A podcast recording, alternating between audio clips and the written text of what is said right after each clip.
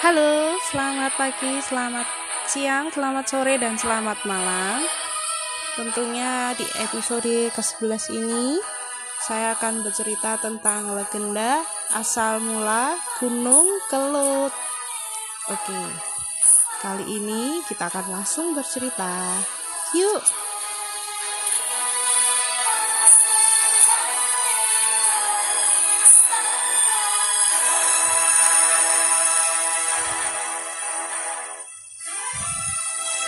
Brawijaya merupakan salah satu raja yang pernah berkuasa di kerajaan Majapahit.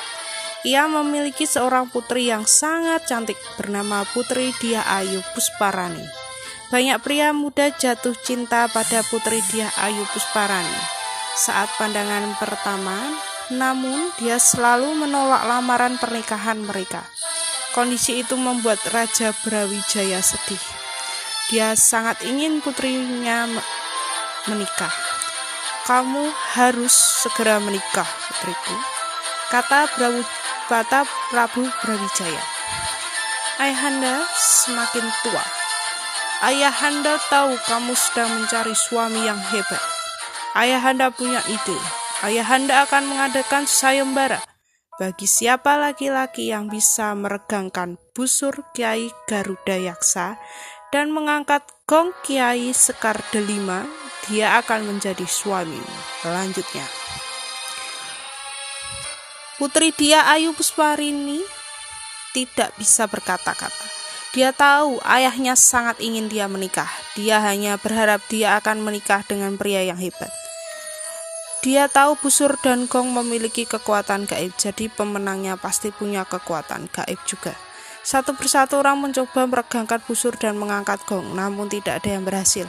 Mereka terluka, tangan dan punggung mereka patah. Raja Brawijaya berencana menghentikan sayembara. Dia berpikir bahwa tidak akan ada yang bisa memenangkan sayembara. Namun sebelum dia menghentikannya, seorang pria mendatanginya. Jangan hentikan sayembara sekarang. Saya belum mencobanya. Semua orang menatapnya, dia sangat aneh. Kepalanya tidak seperti kepala manusia. Dia memiliki kepala banteng. Siapa namamu? Tanya raja. Nama saya Lembu Suro, jawab pria itu. Kemudian dia mencoba meregangkan busur. Dia berhasil. Ujian selanjutnya, dia harus mengangkat gong. Sekali lagi, dia berhasil. Semua orang bertepuk tangan. Mereka semua kagum dengan kekuatannya.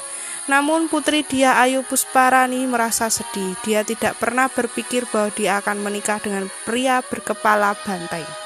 Raja Brawijaya juga sedih, tapi dia tidak punya pilihan. Dia harus menepati janjinya. Belakangan dia meminta anak buahnya menyiapkan upacara pernikahan. Upacara semakin dekat dan putri dia Ayu Pusparani sangat sedih. Dia sangat ingin membatalkan pernikahannya. Dia sangat berpikir keras, akhirnya dia punya ide. Dia memberitahu ayahnya, "Ayah, minta lembu suro membuat sumur di puncak Gunung Kelut. Sumurnya untuk saya mandi," kata putri dia Ayu Pusparini. Raja Brawijaya memahami rencana tersebut. Ia meminta Lembu Suro untuk pergi ke puncak Gunung Kelut. Lembu Suro setuju. Sampainya di sana, Lembu Suro menggali tanah, dia menggali sampai lubang itu dalam. Tiba-tiba beberapa tentara mendorongnya ke dalam lubang. Mereka menguburnya hidup-hidup. Lembu Suro tidak berdaya, dia tidak bisa berbuat apa-apa. Sebelum dia meninggal, dia mengutuk raja. Raja Brawijaya, tunggu balas dendamku. Aku akan menghancurkan kerajaanmu. Mengutuk Lembu Suro. Semua orang sangat ketakutan. Mereka ya sangat yakin bahwa Lembu Suro akan membalas dendam kepada kerajaan. Sampai saat ini, setiap gunung kulut meletus, orang bilang Lembu Suro sedang melakukan balas dendam. Pesan moral dari cerita legenda asal mula Gunung Kelut ini adalah Pikirkan sebelum kamu mengambil keputusan. Jangan sampai menyesal ketika semuanya sudah terjadi. Pelajaran lainnya yaitu tepati janji yang sudah kamu ucapkan. Oke, okay? ya, gitulah cerita dari Gunung Kelut ya, yang sangat fenomenal.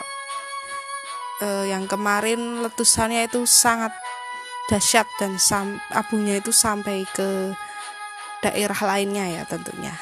Oke, terima kasih. Sampai jumpa di cerita selanjutnya. Dadah.